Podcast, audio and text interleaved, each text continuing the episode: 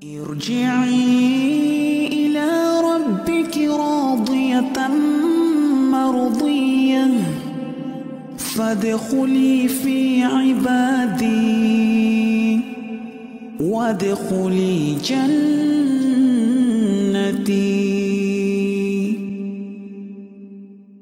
السلام عليكم ورحمة الله وبركاته. وعليكم السلام ورحمة الله. الحمد لله. Innal hamdalillah wa nasta'inuhu wa nastaghfiruh wa na'udzu billahi min shururi anfusina wa min sayyiati a'malina may yahdihillahu fala mudilla lah wa may yudlil fala hadiya wa ashhadu la ilaha illallah wahdahu la sharika wa ashhadu anna muhammadan 'abduhu wa rasuluhu يا أيها الذين آمنوا اتقوا الله حق تقاته ولا تموتن إلا وأنتم مسلمون. يا أيها الناس اتقوا ربكم الذي خلقكم من نفس واحدة وخلق منها زوجها وبث منهما رجالا كثيرا ونساء. واتقوا الله الذي تساءلون به والأرحام. إن الله كان عليكم رقيبا. يا أيها الذين آمنوا اتقوا الله وقولوا قولا سديدا. يصلح لكم أعمالكم ويغفر لكم ذنوبكم. ومن يطع الله ورسوله فقد فاز فوزا عظيما. اللهم صل وسلم وبارك على نبينا محمد وعلى آله وصحبه ومن تبعهم بإحسان إلى يوم الدين. أما بعد. Alhamdulillah. Bapak Ibu-ibu, ikhwan dan akhwat fiddin rahimakumullah. Alhamdulillah kita bersyukur kepada Allah Subhanahu wa taala yang mempertemukan kita di malam hari ini dalam suasana iman insya Allah. Kajian lewat Zoom ya. Dengan uh, majelis ta'lim kalau tidak salah sahabat ilmu rumah sakit Darmais ya Jakarta. Ini kajian yang pertama kali yang semoga menjadi sebab kebaikan dan kedudukan mulia bagi kita semua. Sisi Allah Subhanahu wa taala pada hari kiamat nanti insya Allah saat ini kita memilih kajian membahas kitab yang sangat bermanfaat kitab Fiqhul Asma'il Husna. Fikih memahami nama-nama Allah Subhanahu wa taala yang maha indah tulisan dari Syekh atau guru kita Syekh Al-Allamah Abdul Razak bin Abdul Muhsin Al-Badr hafizahumullah taala Baik, barakallahu fikum, Bapak Ibu Ibu dan akhwat fiddin rahimakumullah. Kajian tentang fikih al-asma'il husna, memahami nama-nama Allah yang maha indah, sifat-sifatnya yang maha sempurna. Ini adalah kajian yang pembahasannya membahas perkara yang paling mulia di dalam Islam secara mutlak. Mengenal Allah adalah sebab utama yang akan memperbaiki semua ibadah kita lahir dan batin. Mengenal Allah ini adalah sebab yang akan menyempurnakan tauhid dan penghambaan diri kita kepada Allah Subhanahu wa taala. Bahkan mengenal Allah inilah yang akan menjadikan iman kita hidup, iman kita memiliki ruh, ya, karena mengenal Allah Subhanahu wa taala inilah yang akan menumbuhkan di hati kita rasa cinta, takut, berharap, ya, tawakal, ketundukan dan semua ibadah-ibadah utama lainnya yang merupakan fondasi utama keimanan kepada Allah Subhanahu wa taala. Oleh karena itu, Bapak Ibu Ikhwan dan akhwat fiddin rahimakumullah, tidak salah kalau kita memilih tema kajian ini dengan kita membahas kitab Fiqhul Asma'il Husna yang alhamdulillah kita ini juga sudah ada terjemahannya dan tersebar di pasaran. Jadi kita bisa mengambil manfaat dari pembahasan yang sangat sangat agung ini dengan mohon pertolongan kepada Allah Subhanahu wa taala. Baik, barakallahu fikum. memahami nama-nama Allah Subhanahu wa taala yang Maha Indah. Ini saya katakan tadi adalah pembahasan yang paling agung di dalam Islam. Kalau secara umum saja kita ketahui memahami agama ini adalah ciri kebaikan yang Allah Subhanahu wa taala kehendaki pada seorang hamba.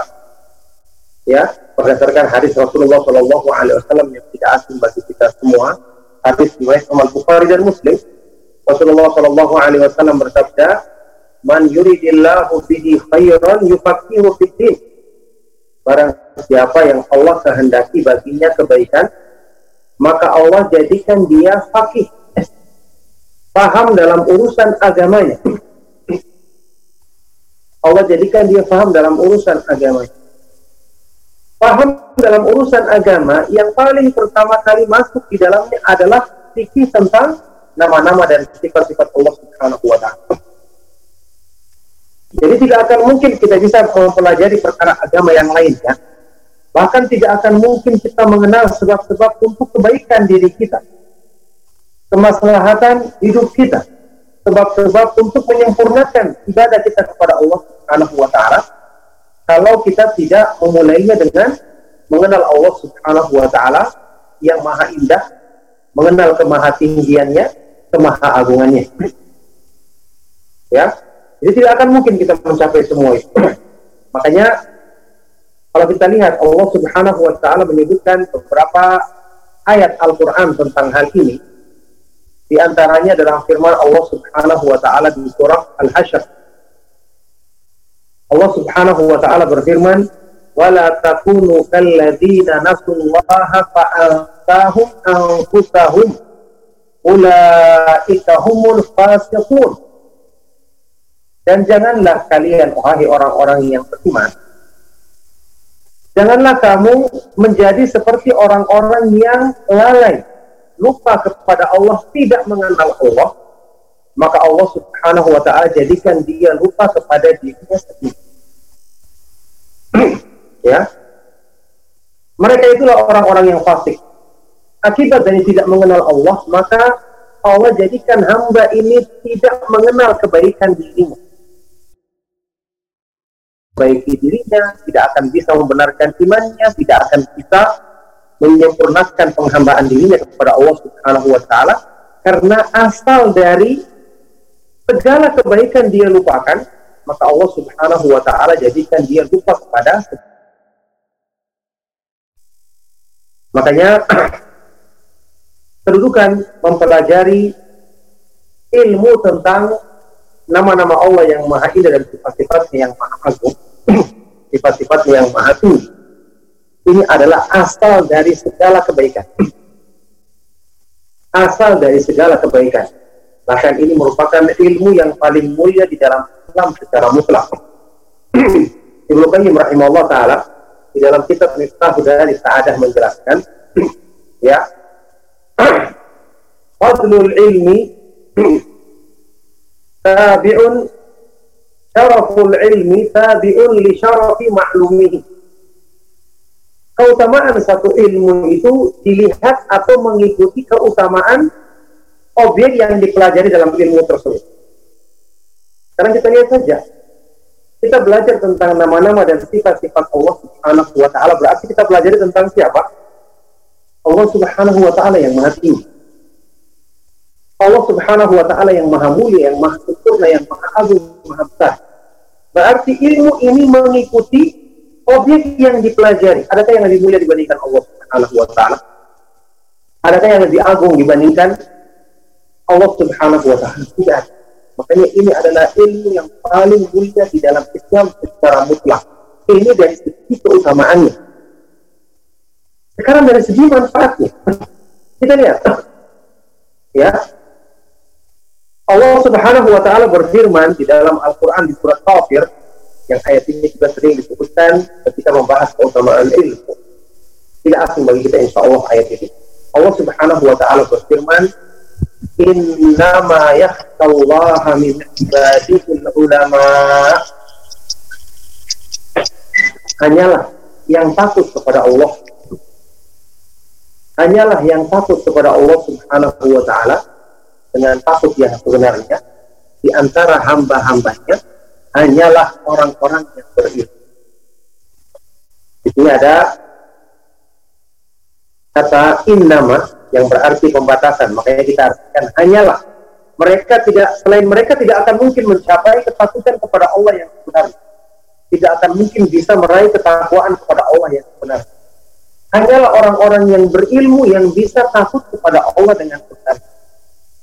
Apa maksudnya ilmu di sini? Kalau kita merujuk dalam tafsir Ibnu Katsir diterangkan, ilmu di sini adalah al ulama ul arifuna yaitu orang yang berilmu dan mengenal Allah Subhanahu wa taala.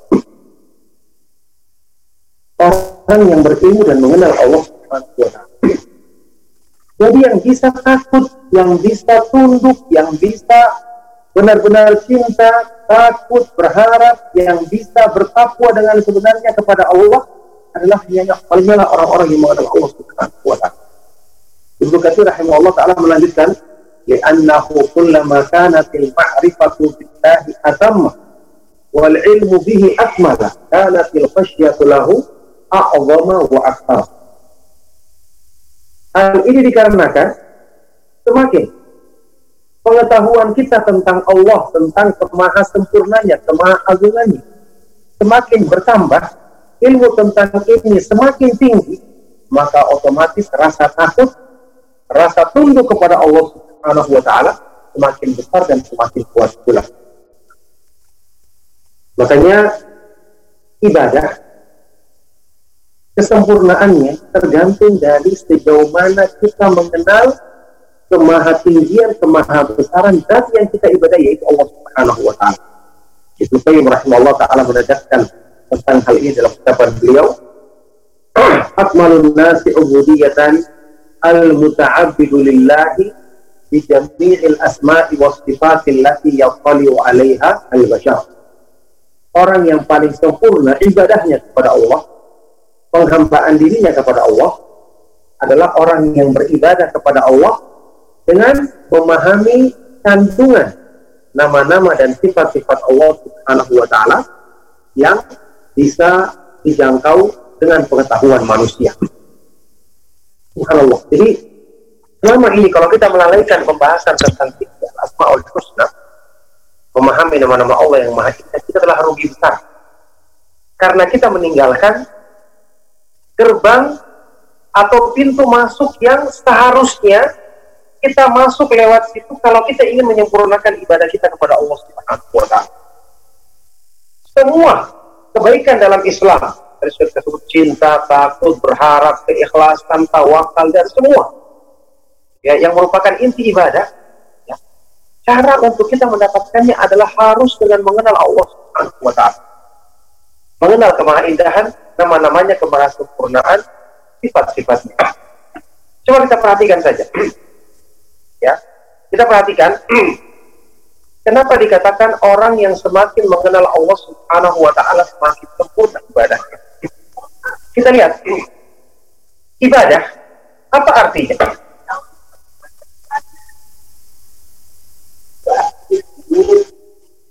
Kita sebutkan tentang ibadah apa artinya? Apa maknanya? Ibadah ringkasnya saja disebutkan oleh Imam Ibnu Qayyim rahimahullah taala. Asal maknanya adalah ibaratun amma yajma'u kamal al-hubbi wa kamal lillah. Sesuatu yang menghimpun kesempurnaan cinta dan kesempurnaan sikap tunduk kepada Allah. Sesuatu yang menghimpun kamal al cinta yang murni, cinta yang utuh dan ketundukan yang sempurna kepada Allah Apa maksudnya? Maksudnya ibadah itu bukan cuma gerakan. Bukan cuma kita sholat, misalnya ruku, sujud, duduk, tahiyat. Bukan cuma sekedar kita berdoa, bahkan bukan cuma sekedar kita membaca Al-Quran. Tapi ibadah itu intinya adalah kita melakukan gerakan-gerakan ibadah karena cinta kita dan tunggu kita kepada Allah. Karena kita merasa butuh kepada Allah Subhanahu wa taala karena kita mengetahui kekurangan diri kita sehingga kita beribadah kepada Allah untuk menyempurnakan kekurangan tersebut. Itu ibadah yang sesungguhnya. Makanya tidak dikatakan ibadah orang yang melakukan gerakan-gerakan seolah-olah dia beribadah tapi di hatinya tidak ada cinta, tidak ada ketundukan, ya, tidak ada rasa tenang, rasa gembira ketika menjalankan ibadah. Ini bukan ibadah yang sesungguhnya, bukan ibadah yang sejati. Nah, kalau kita tahu ternyata ibadah itu hakikatnya atau intinya adalah ketundukan yang sempurna dan penciptaan yang utuh kepada Allah. Bagaimana mungkin kita bisa menumbuhkan hakikat ibadah ini kalau kita tidak mengenal zat yang kita ibadahi? Bagaimana mungkin cinta akan tumbuh di hati kita kalau kita tidak mengenal kemahaindahan Allah Subhanahu wa taala? Sekarang apakah masuk akal? Seseorang bisa menyukai sesuatu padahal dia tidak mengenal. Justru tanpa mengenal sesuatu kita akan memusuhinya, makin membencinya, makin jauh darinya. Makanya orang Arab mengatakan, "Man jahila syai'an adahu." Barang siapa yang tidak mengenal sesuatu dia akan memusuhinya. Ya, sama dengan pepatah Indonesia, tak kenal maka tak sayang. Tidak kenal maka tidak sayang. Bagaimana kita akan bisa mencintai Allah? Bahkan bukan hanya mencintai Allah, menjadikan kecintaan kepada Allah lebih daripada kecintaan cinta kepada hal-hal yang lain. Ini syaratnya iman yang benar. Ingat, cinta kepada Allah itu tidak cukup. Karena kalau sekedar cinta kepada Allah, pelaku syirik pun juga cinta kepada Allah. Apa dalilnya? Dalilnya firman Allah Subhanahu wa taala di surat Al-Baqarah. Wa minan nas Allah Subhanahu wa taala berfirman, "Wa minan nas may yattakhidhu min dunillahi andada yuhibbunahum ka hubbillah walladzina amanu asyaddu hubban lillah. Dan di antara manusia ada orang-orang yang menjadikan tandingan-tandingan sekutu-sekutu selain Allah yang mereka mencintai sekutu-sekutu itu seperti mencintai Allah. Sedangkan orang-orang yang beriman sangat kuat kecintaan mereka kepada Allah lebih daripada kecintaan kepada apa pun. Lihat, ayat ini menegaskan orang pelaku syirik pun yang mengambil tandingan-tandingan selain Allah ternyata mereka mencintai Allah juga cuma cintanya kepada Allah dijadikan sama dengan cintaan kepada berhala-berhala yang mereka sempat lihat. Sedangkan orang yang beriman kecintaan mereka yang paling tinggi ditujukan kepada Allah.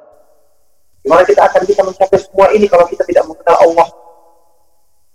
Urusan-urusan dunia kita tertarik karena ada promosi. Karena disebutkan kepada kita kelebihan-kelebihannya, keunggulan-keunggulannya. Banyak. Kita ketahui rata-rata produk ya di dunia ini supaya tertarik konsumen memakainya kan dengan cara dipromosikan. Meskipun ya kita tahu banyak yang bohong juga. Makanya hati kita tertarik. Ya. Allah subhanahu wa ta'ala yang maha indah. Keindahannya didambakan oleh hati manusia keindahannya maha tinggi kalau dunia saja kita membuat kita tertarik apalagi yang menciptakan dunia yang dia adalah jamilun maha indah Maha sempurna sifat-sifat. Seandainya kita mengenal Allah, nama-nama dan sifat-sifatnya dengan benar, kita pasti akan mencintai Allah Subhanahu wa taala. Makanya Imam Ibnu Qayyim rahimahullah taala mengatakan, "Man arafa Allah bi asma'ihi wa sifatihi wa af'alihi ahabbahu la maharata." Barang siapa yang mengenal Allah dengan nama-namanya yang maha indah, sifat-sifatnya yang maha tinggi, dan perbuatan-perbuatannya yang maha terpuji dia pasti akan mencintai Allah maka mencintai Allah tidak mungkin kita dapatkan kecuali dengan merenungkan kemahaidah nama-nama dan sifat-sifat Allah Subhanahu wa taala juga dengan merenungkan kebaikan-kebaikannya, rahmatnya, limpahan karunia-Nya yang senantiasa diberikannya kepada kita. Ini semua tidak ada cara lain agar kita bisa meraihnya kecuali dengan kita mempelajari dan mendalami kandungan dari nama-nama Allah Subhanahu wa taala maha tinggi yang maha indah dan sifat-sifatnya sifat-sifatnya yang maha tinggi. Makanya mencintai Allah ini yang merupakan landasan ibadah tadi inilah yang disebut oleh para ulama sebagai ruhnya iman. Syekh Abdurrahman As rahimahullah taala mensifat yang namanya mencintai Allah, mahabbatullah. Kata beliau, dia rohul iman. Ini adalah rohnya iman. Berarti iman tidak hidup tanpa cinta kepada Allah. Iman tidak akan hidup tanpa kita mengenal Allah. Jadi dia adalah rohnya iman. Wa hakikatu tauhid. Sekaligus dia adalah hakikatnya tauhid. Wa ainu ta'abud dan inti penghambaan diri kepada Allah. Wa asasut taqarrub dan landasan pendekatan kepada Jadi inti dasar keimanan yang iman tidak akan tumbuh, tidak akan hidup, tidak akan bermakna katanya adalah mengenal Allah Subhanahu wa taala untuk menumbuhkan rasa cinta, menumbuhkan rasa takut, menumbuhkan pengharapan, menumbuhkan tawakal, menumbuhkan ridho dan semua keutamaan-keutamaan dan sifat-sifat yang merupakan amalan-amalan utama dan merupakan tiang-tiang utama penopang penopang keimanan pada hati orang. Oleh karena itulah kita perhatikan di sini Bapak Ibu Ikhwan dan akhwat Bismillah rahimahumullah bahwa ilmu tentang mengenal nama-nama dan sifat-sifat Allah Subhanahu wa taala ini adalah kebutuhan yang paling darurat untuk ketika kita mengenal. Bayangkan, tadi dikatakan ini adalah intinya tauhid. Intinya tauhid. Kita selama ini belajar tentang tauhid. Apa arti tauhid? Mau kita menghambakan, mengesahkan Allah Subhanahu wa taala dalam beribadah kepada Kita tahu semua bahwasanya ini adalah inti dakwah para nabi dan para rasul. Walaqad ba'atsna fi kulli ummatin rasulan an ibudullaha wajtanibu at-taghut. Sungguh kami telah mengutus pada setiap umat seorang rasul untuk dia menyerukan hendaknya kalian beribadah kepada Allah semata-mata dan jauhi tauhid segala sesuatu yang disukai Allah. ini inti dakwah ini bertauhid memurnikan ibadah kepada Allah semata-mata dan jauhi perbuatan syirik ini tidak akan bisa kita wujudkan tanpa kita mengenal Allah. Tanpa kita mengenal kemahaindahan nama-nama dan sifat-sifat Allah. Karena tidak akan bisa kita tunjukkan hati kita kepada Allah. Kalau di hati kita kita masih anggap kecintaan atau ketertarikan kepada makhluk melebihi kita kepada Allah Subhanahu. Karena kita lebih kenal keindahan atau hal-hal yang menarik yang ada pada makhluk. Ini menjadikan kebanyakan manusia susah untuk misalnya mengikhlaskan niatnya. Karena dia lebih tertarik kepada makhluk. Bahkan hatinya kurang mengenal Allah. Nah, makanya kita perhatikan, tidak ada pertentangan ketika saya katakan tadi ilmu yang paling mulia di dalam Islam adalah ilmu tentang mengenal nama-nama dan sifat-sifat Allah dengan penjelasan bahwa perkara yang paling penting di dalam Islam adalah mentauhidkan Allah Subhanahu wa taala menggunakannya dalam beribadah dan menjauhi perbuatan kita. Jadi tidak ada pertentangan. Karena ibadah kepada Allah semata-mata tidak akan mungkin kita bisa wujudkan tanpa kita mengenal Allah Subhanahu wa taala, mengenal kemahaindahan, nama-namanya dan kemahasempurnaan sifat-sifatnya yang akan menunjukkan rasa cinta di hati kita, ketundukan, pengharapan, rasa takut kepada Allah Karena kita lihat dalilnya. Dalil yang menyebutkan bahwa dua hal ini adalah tujuan utama penciptaan manusia, penciptaan alam semesta beserta isi. Karena selama ini yang kita tahu, dalil yang menyebutkan tentang tujuan penciptaan manusia hanya yang disebutkan di dalam surat Al-Zariyat ayat yang terkenal wa ma khalaqatul jinna illa illa dan tidaklah aku ciptakan jin dan manusia kecuali agar mereka beribadah kepadaku semata-mata. Tujuh jin dan manusia adalah agar mereka beribadah kepada Allah Subhanahu wa taala semata-mata. Ternyata ada ayat lain di dalam Al-Qur'an nanti kita akan baca juga penjelasannya insya Allah yang menyebutkan tujuan penciptaan manusia tujuan penciptaan alam semesta bahkan beserta isinya adalah agar mereka mengenal Allah. Mengenal sifat-sifat kesempurnaan. Apa itu? Dalilnya adalah di firman Allah subhanahu wa ta'ala di surat At-Talaq ayat yang terakhir. Di surat At-Talaq ayat yang terakhir. Allah Subhanahu wa taala berfirman,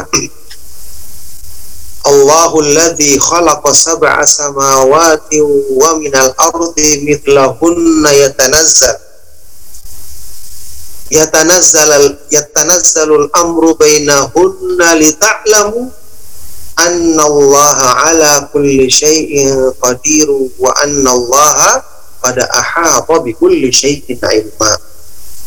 Perhatikan ayat ini. Ayat yang terakhir. Allah dialah yang menciptakan tujuh lapis langit dan bumi juga seperti itu tujuh lapis.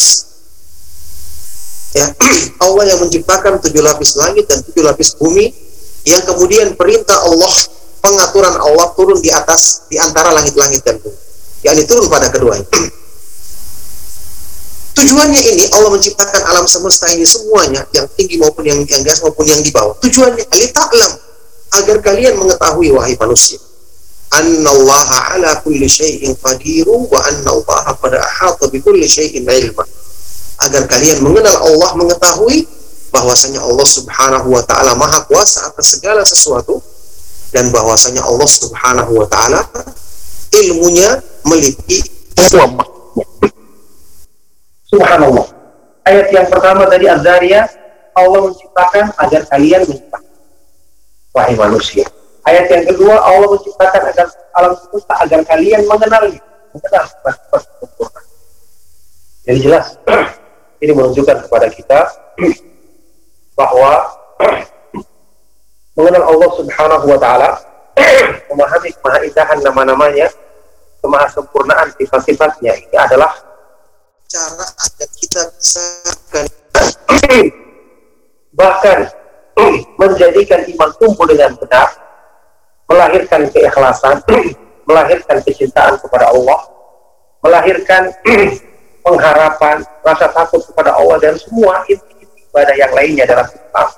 Oleh karena itu mempelajari fikih al-asma'il husna, kitab yang sangat bermanfaat memahami nama-nama Allah yang maha indah ini adalah pelajaran utama yang harus kita hidupkan ya yang harus kita selalu usahakan yang harus kita segera harus penuhi kebutuhan kita terhadapnya karena dengan tidak memperhatikan ilmu ini berarti menghalangi kita dari segala kebaikan menghalangi kita dari upaya untuk benar-benar menjadikan penghambaan diri kita kepada Allah Subhanahu wa taala menjadi menjadi Oleh karena itulah Bapak Ibu Ikhwan dan Akhwat Fiddin rahimahumullah. Mengenal Allah Subhanahu wa taala ini adalah gerbang utama menuju kesempurnaan iman. Ya, saya pernah menulis beberapa makalah tentang uh, pembahasan keutamaan ilmu ini dalam beberapa tulisan yang dibuat di internet juga bahkan ada kitab yang pernah disebut yang pernah diterbitkan ya puncak kemahaindahan al asmaul husna tetap juga di pasaran ini ketika kita membahasnya, kita berarti membahas tentang inti keimanan. Bayangkan saja, Ibnu Qayyim rahimahullah taala sampai pernah menjelaskan seperti ini.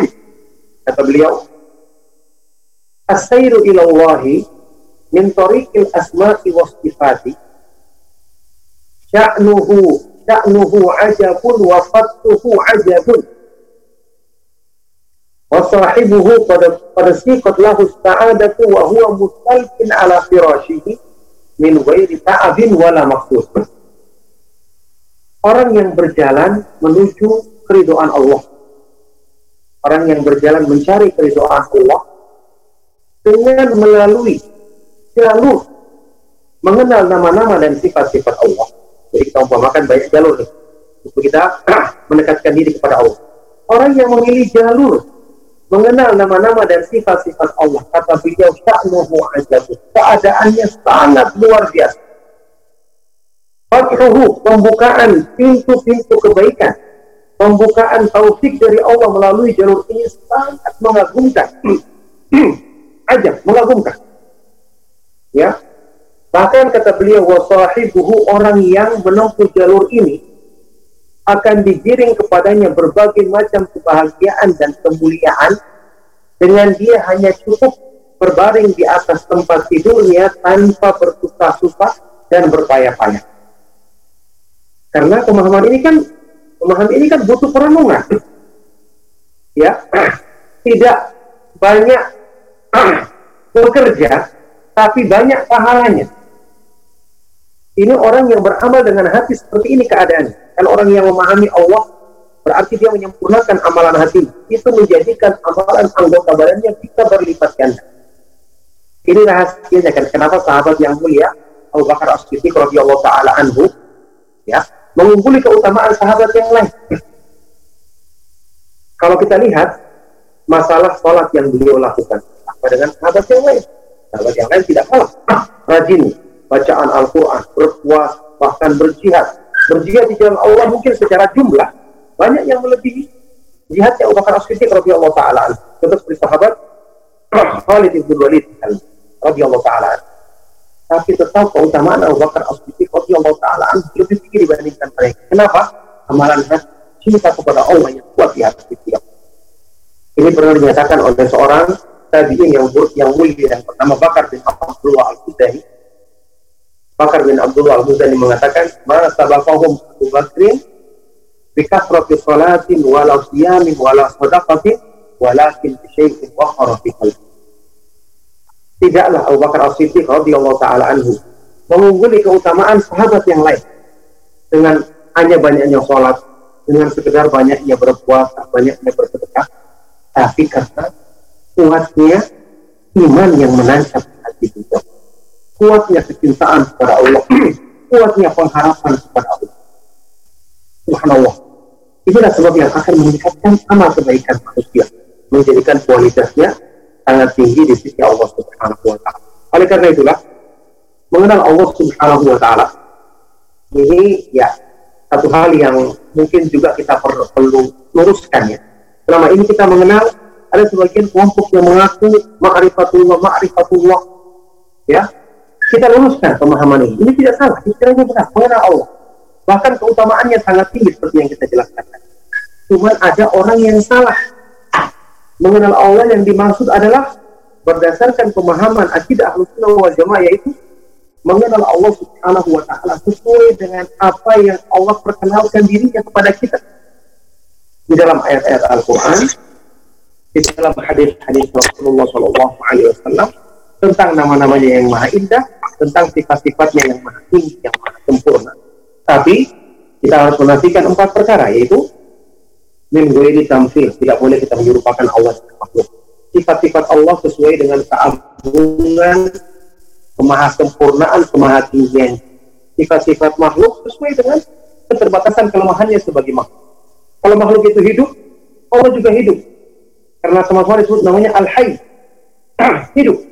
Tapi kita artikan Allah Subhanahu wa taala Maha hidup, hidupnya Maha sempurna.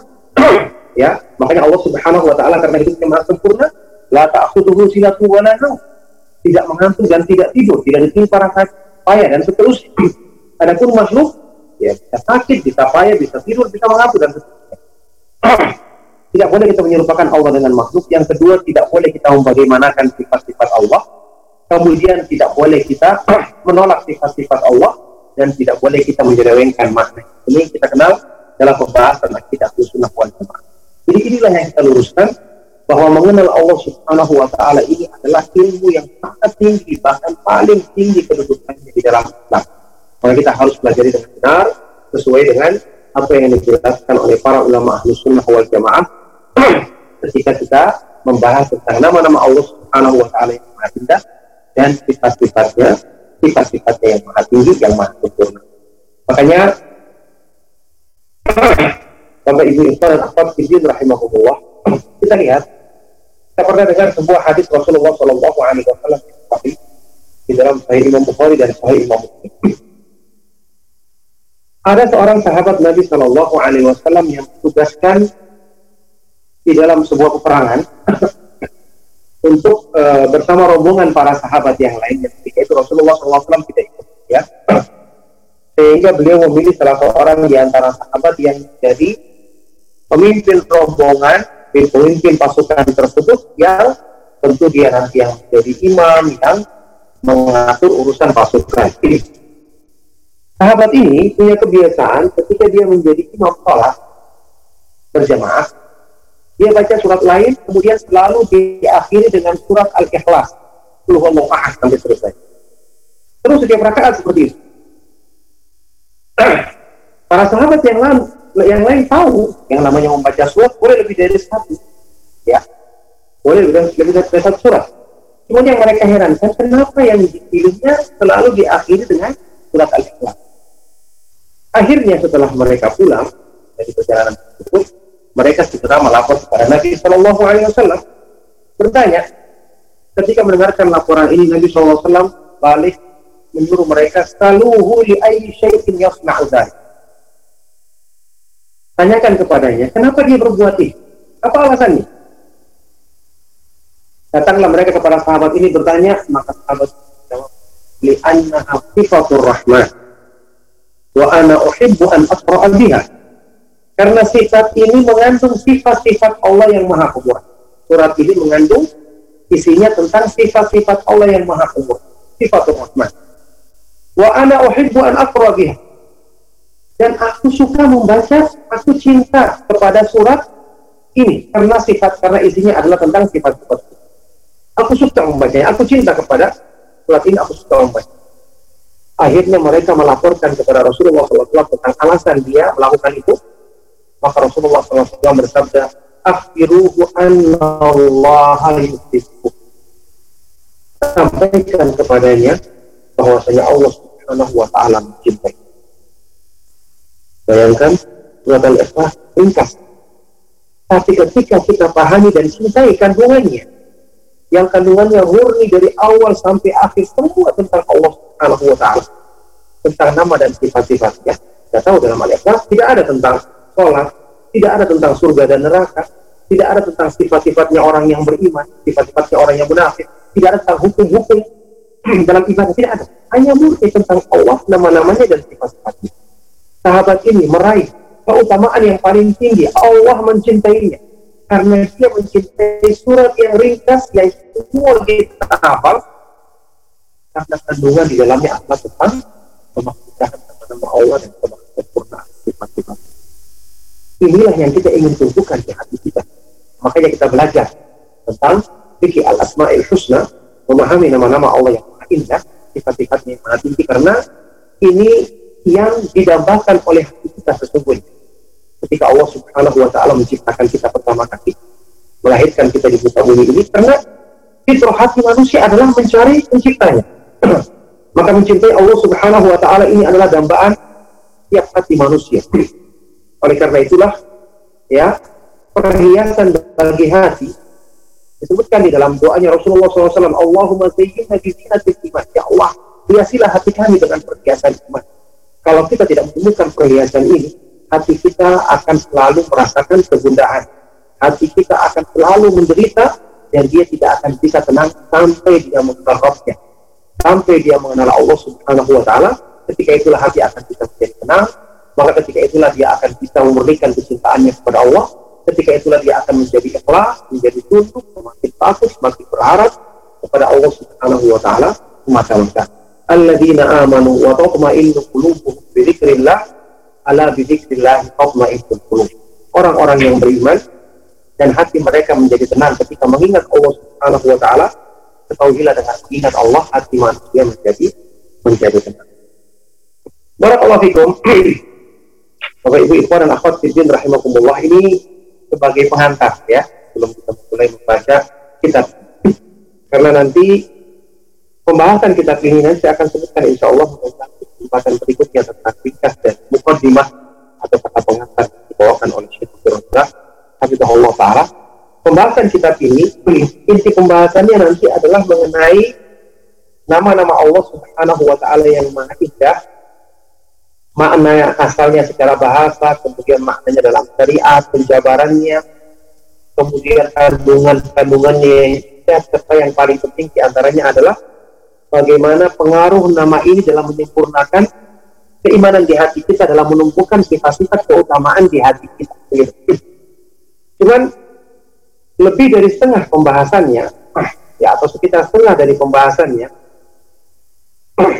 atau mungkin kurang dari setengah ya, itu banyak membahas tentang beberapa kaidah-kaidah dasar dalam memahami bab yang sangat agung ini yang sebelum dibahas satu persatu nama-nama Allah Subhanahu wa taala mulai dari Allah misalnya Ar-Rahman, Ar-Rab, Ar-Rahman dan seterusnya itu sebelum dibahas maka dicantumkan beberapa kaidah-kaidah atau prinsip-prinsip penting sebagai pengantar agar kita mudah memahami artinya. Makanya kita perlu bersabar nanti ya kita akan membahas prinsip insya Allah kita ini kitab yang sangat bermanfaat ini supaya nanti memang menjadi sebaik-baik bekal kita untuk kita menghadap Allah Subhanahu wa taala pada hari kiamat ya kita pasti akan pasti akan menjumpai hari tersebut.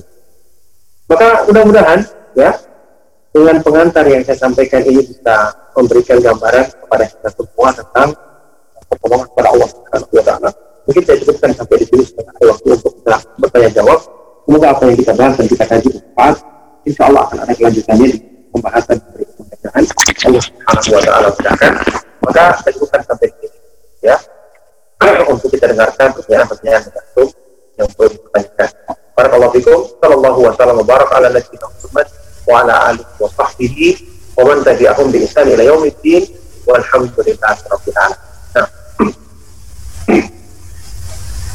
Barakallah fiik. Alhamdulillah. Jazakallah khairan kathir pada Pak Ustadz Abdullah Taslim atas paparannya mengenai mukodimah ya, pengantar dari kitab fikih Asmaul Husna karya dari Syekh Abdul Razak bin Abdul Muhsin Hafizullah Ta'ala dan mungkin pada Pak Ustadz masih ada waktu untuk pertanyaan ya Pak Ustadz Kalau ada waktu, silakan.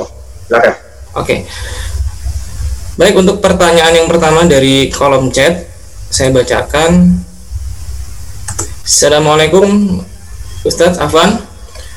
Uh, mohon pencerahan ya, pencerahan terhadap hadis yang matanya sebagai berikut. Barang siapa hafal Asmaul Husna, maka dijamin masuk surga. Demikian, jazakumullah, Ustaz. Ya, barakallahu fikum. Pertanyaan sangat bermanfaat sekali hadis yang dimaksud uh, tadi kayaknya disampaikan secara makna itu ya. Yang saya ketahui hadis riwayat Bukhari Muslim yang menjelaskan tentang hal ini berbunyi Rasulullah SAW bersabda, Inna lillahi tis'atun wa tis'ina isman. Mi'atan illa wahidah. Ya man ahsaha dakhala jannah. Sesungguhnya Allah Subhanahu wa taala memiliki 99 nama 100 kurang satu barang siapa yang menghitungnya atau menghafalnya dia akan surga itu lafaz yang terdapat dalam riwayat Bukhari dan Muslim. Jadi nama Allah subhanahu wa ta'ala yang 99 ini menunjukkan bahwa nama Allah yang lain juga ada tidak cuma 99 karena nama Allah subhanahu wa ta'ala tidak tepat seperti akan kita bisa dalilnya.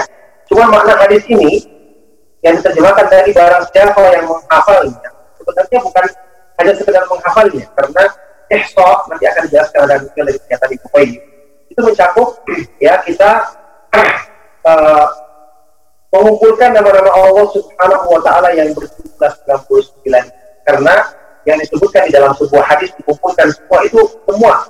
Sepakat para ulama hadis tersebut adalah hadis yang sangat lemah. Dan ada di antaranya nama-nama Allah yang tidak sesuai. Contohnya masa ada nama Allah Al-Baru yang maha memberikan madarah tidak mungkin Allah Subhanahu wa taala memiliki nama seperti. Allah memang sebagai sifatnya dia yang maha kuasa memberikan kebaikan atau keburukan kepada manusia. Tapi Allah berikan itu kepada siapa yang berhak menerimanya dan bukan bagi setiap orang. Jadi itu adalah sifat Allah yang bukan bukan bukan namanya. Nanti ada juga nama Al-Muntaqim, Maha Membalas Dendam. Ini ada beberapa yang tidak sesuai. Makanya yang dikumpulkan dalam satu hadis, biasanya perlu di di Quran yang lama itu ada di tampulnya. Ya, ini semua tidak benar. Semua ulama sepakat mengatakan hadis ini sangat lemah. Seperti penjelasan yang Islam Ibnu Taimiyah rahimahullah Jadi kita kumpulkan dulu dari ketenangan yang sahih dan para ulama banyak mengumpulkan seperti Abdul Rasul dalam kitab ini di bagian pembahasan mengumpulkan nama-nama yang disebutkan di dalam ayat-ayat Al-Quran dan hadis yang sahih. Kemudian kita berusaha menghafalnya memahami kandungannya dan mengamalkan maknanya, mempraktekannya dalam ibadah kita, dalam doa kita, dalam pikir kita, dalam bacaan Al-Quran kita. Kita itu yang dijamin akan mendapatkan keutamaan masuk masuk surga. Nah, itu mana hadis tadi? Para kalau ارجعي إلى ربك راضية مرضية فادخلي في عبادي وادخلي ti.